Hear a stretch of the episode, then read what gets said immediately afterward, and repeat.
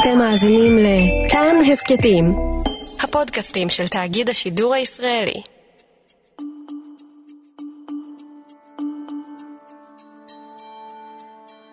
שלום לניצב פרץ אמר, מפקד מחוז חוף במשטרה. שלום וערב טוב. אני רוצה להחזיר אותך למאבק בקורונה, לקיום ההנחיות של משרד הבריאות, מחר שמחת תורה. אה, אנחנו ערוכים ואנחנו נערכנו להקפות האלה כבר מספר ימים ברצף. אתה לא יכול להיות בכל מקום, בכל נכון. בתי הכנסת בארץ. יש כנראה בתי כנסיות הרבה יותר מאשר יש תחנות משטרה, ואנחנו נהיה במקומות שנצליח להגיע אליהם ונקבל לגביהם מידע. את ההשפעה של הקורונה אנחנו מרגישים לא רק בבתי החולים או ברחובות הסגורים והעצובים. לעובדה שמשטרת ישראל מרוכזת כולה במבצע אכיפה אדיר, יש אפקט בשטח. עבריינים שמרימים ראש וקשה למשטרה להתמודד איתם כשהשוטרים עוסקים במי לבש מסכה, מי התחתן ואיפה להטיל סגר. תעזבו אותי! אני לא יודעת צורה כרגע. לא מעניין צורה, מה אני? אל תיגע בי.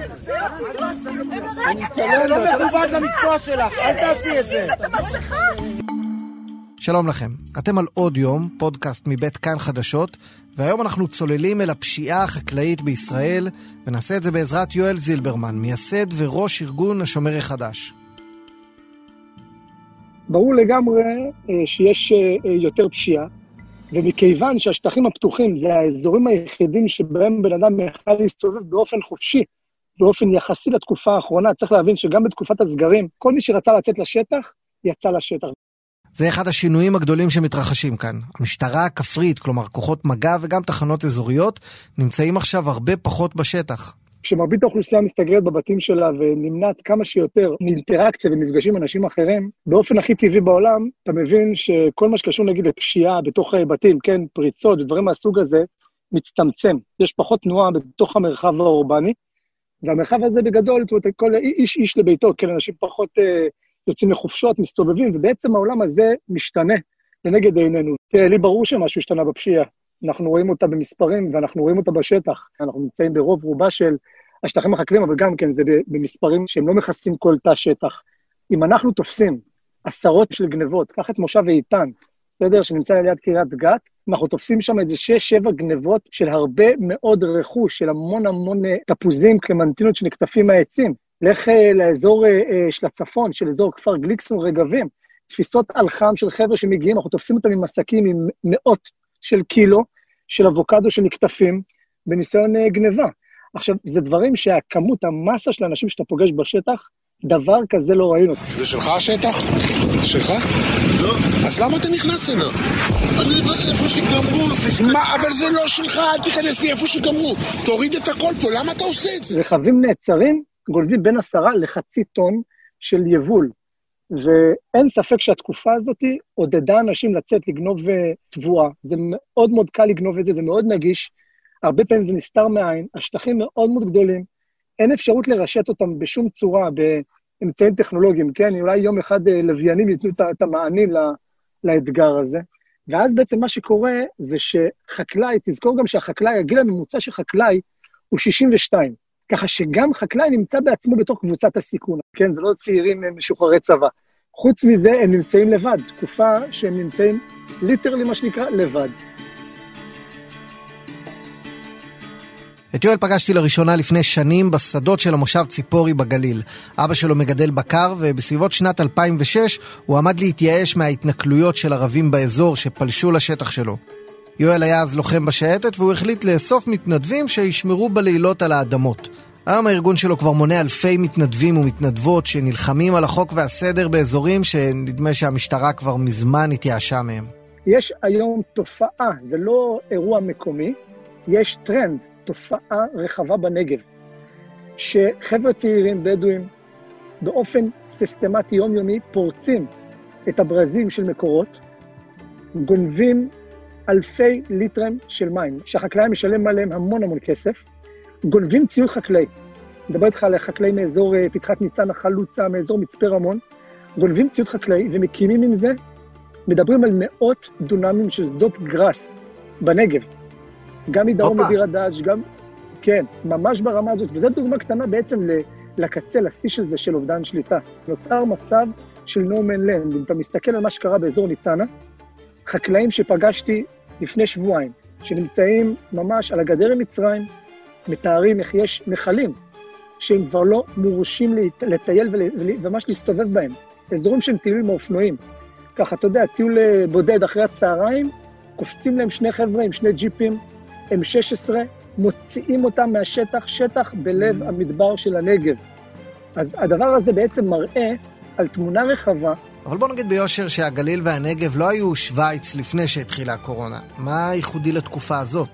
כן, אני חושב שמה שייחודי לתקופה הזאת, המאבקים העיקריים שאנחנו זיהינו לפני שנים היו בעיקר מאבקים על שטחי מרעה.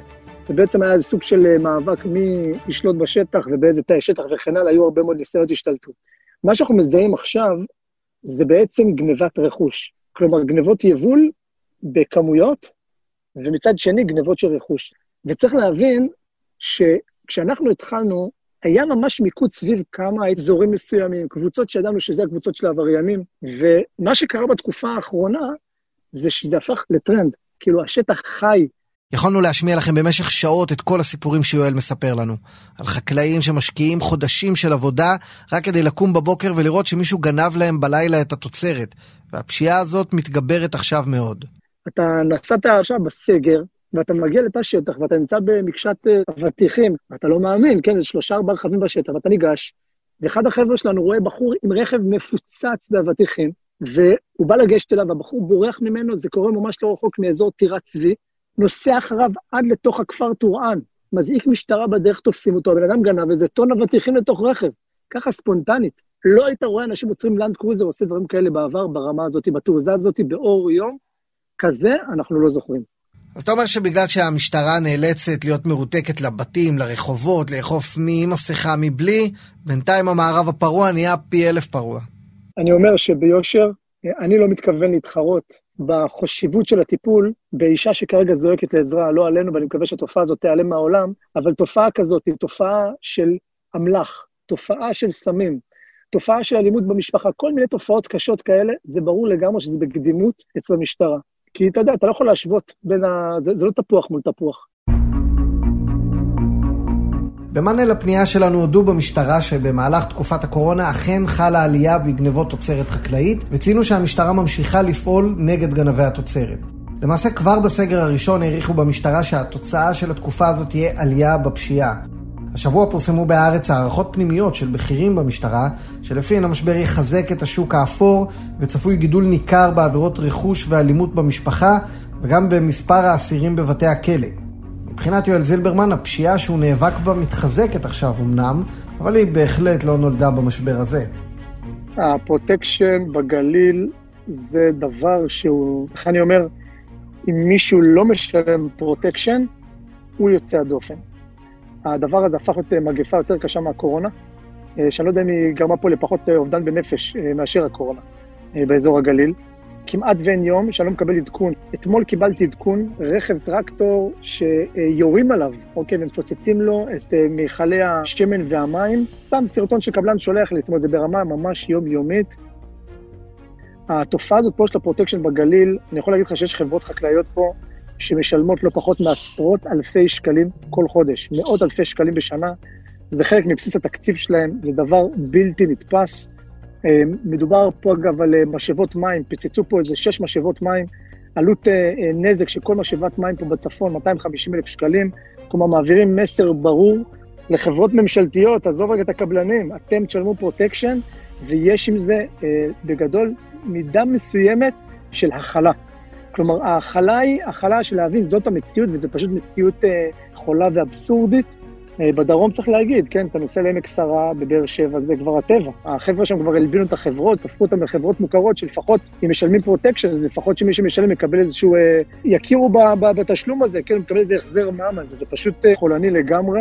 זה באמת בלתי נתפס. יואל מתאר פה מצב שבו העבריינים מהפזורה הבדואית נרשמים כחברת שמירה, וככה הם יכולים להנפיק חשבוניות על הכסף שהם סוחטים מבעלי מפעלים.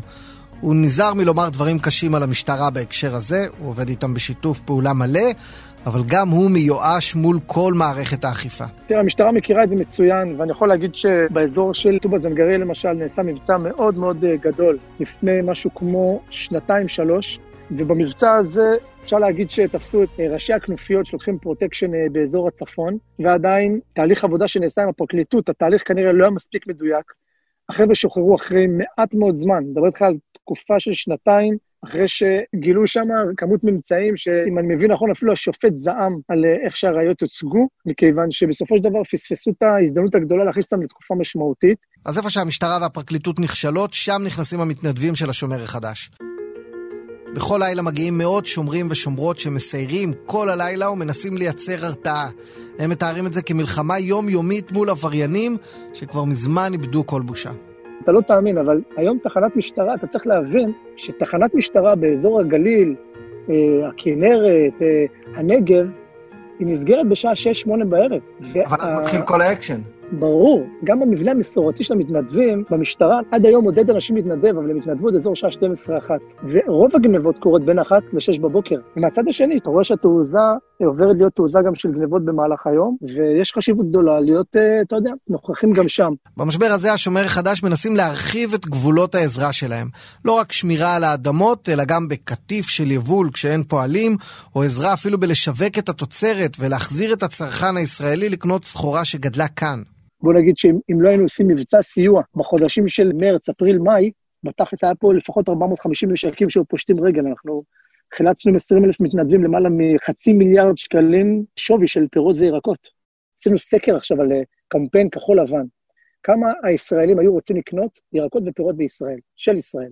ואתה יודע, באנו מאוד מאוד פסימיים וסקפטיים לסקר הזה, ואמרנו, נעשה סקר רחב, לא שניים, שלושה אנשים, כמעט 1,500, 1,470 ליתר דיוק. והיינו בשוק טוטאלי. מהתוצאות. הזכרנו לעצמנו עד כמה ישראלים מחוברים למה שקורה פה. יותר משמונה מכל עשרה ישראלים אומרים, אנחנו מעדיפים לקנות תוצרת ישראלית, רוצים לקנות תוצרת ישראלית. אני אומר לך שיותר מ-60 אחוז גם אומרים שהם מוכנים לשלם יותר. והם כועסים על זה שאין להם היום דרכים לזהות בעצם את התוצרת הישראלית, הם מתלוננים על זה שהתוצרת מעובבת, מה שנכון, ואתה פתאום מבין עד כמה הציבור בישראל, למרות שהוא חי רוב רובו של הזמן, אתה יודע, באזורים מאוד מאוד עירוניים, באזורים שהם אה, על פניו כאילו לא מחוברים לאדמה, יש לו משיכה למקומות האלה. בדיעבד, בהסתכלות של שנים אחורה, הדבר אולי הכי טוב שקרה לחקלאים בגליל ובנגב זה ההתנכלות ההיא לעדר של משפחת זילברמן בציפורי. היום יואל כבר מדבר על כוח של מתנדבים, אלפים, שיהיו בעצם כמו מילואימניקים, יחזקו את המשטרה. הוא מעדיף לא להסתכל על אוזלת היד של הרשויות, אלא לחשוב איך אפשר למלא את השורות החסרות. התחלנו בגליל, התחלנו בענף מאוד מסוים בחקלאות. לאט לאט הדבר הזה התפשט. צריך לזכור שהמציאות היא רחוקה מלהיות מה שצריכה להיות, אבל אני גם לא חי באשליה שעכשיו המשטרה תוכל לקבל אלף תקנים לטפל בפשיעה החקלאית. ולכן אני חושב שגם הצבא לא בונה על לנצח שום מלחמה עם הכוחות הסדירים שלו, אלא בונה על החברה האזרחית שתירתם, ובשעת מלחמה היא תצטרף, ותכלס היא זאת שתכריע את המלחמה.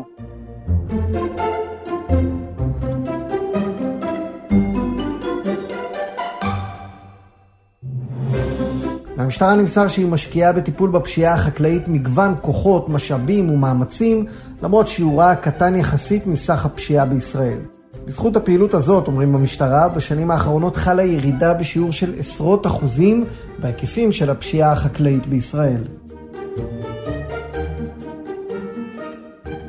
לפני סיום ניתן תוכן שיווקי, איך אפשר להצטרף אליכם?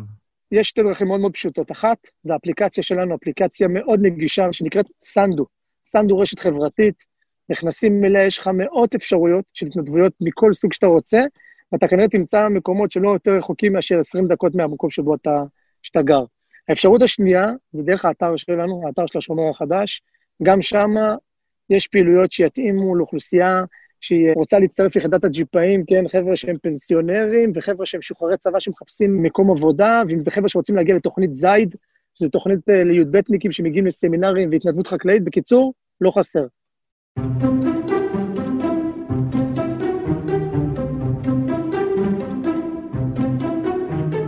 זהו, עד כאן. האזנתם לפרק של עוד יום שערך דניאל אופיר, בצוות רום אטיק וחן עוז. תודה רבה ליואל זילברמן, תודה לכם. תגובות שלכם או רעיונות לשאלות מעניינות לפרקים הבאים אפשר להשאיר בקבוצת הפודקאסטים שלנו, כאן הסכתים, וגם בדף הפייסבוק, הטוויטר או האינסטגרם שלי, מבטיח לענות. עוד הסכתים מבית כאן חדשות תוכלו למצוא בכל אפליקציית פודקאסטים שמכבדת את עצמה, באתר שלנו וגם בספוטיפיי. מאוד קל למצוא. את הפרק הבא תגיש מיכל רשף, אני הייתי עקיבא נוביק, ואני מתכוון להישאר כזה.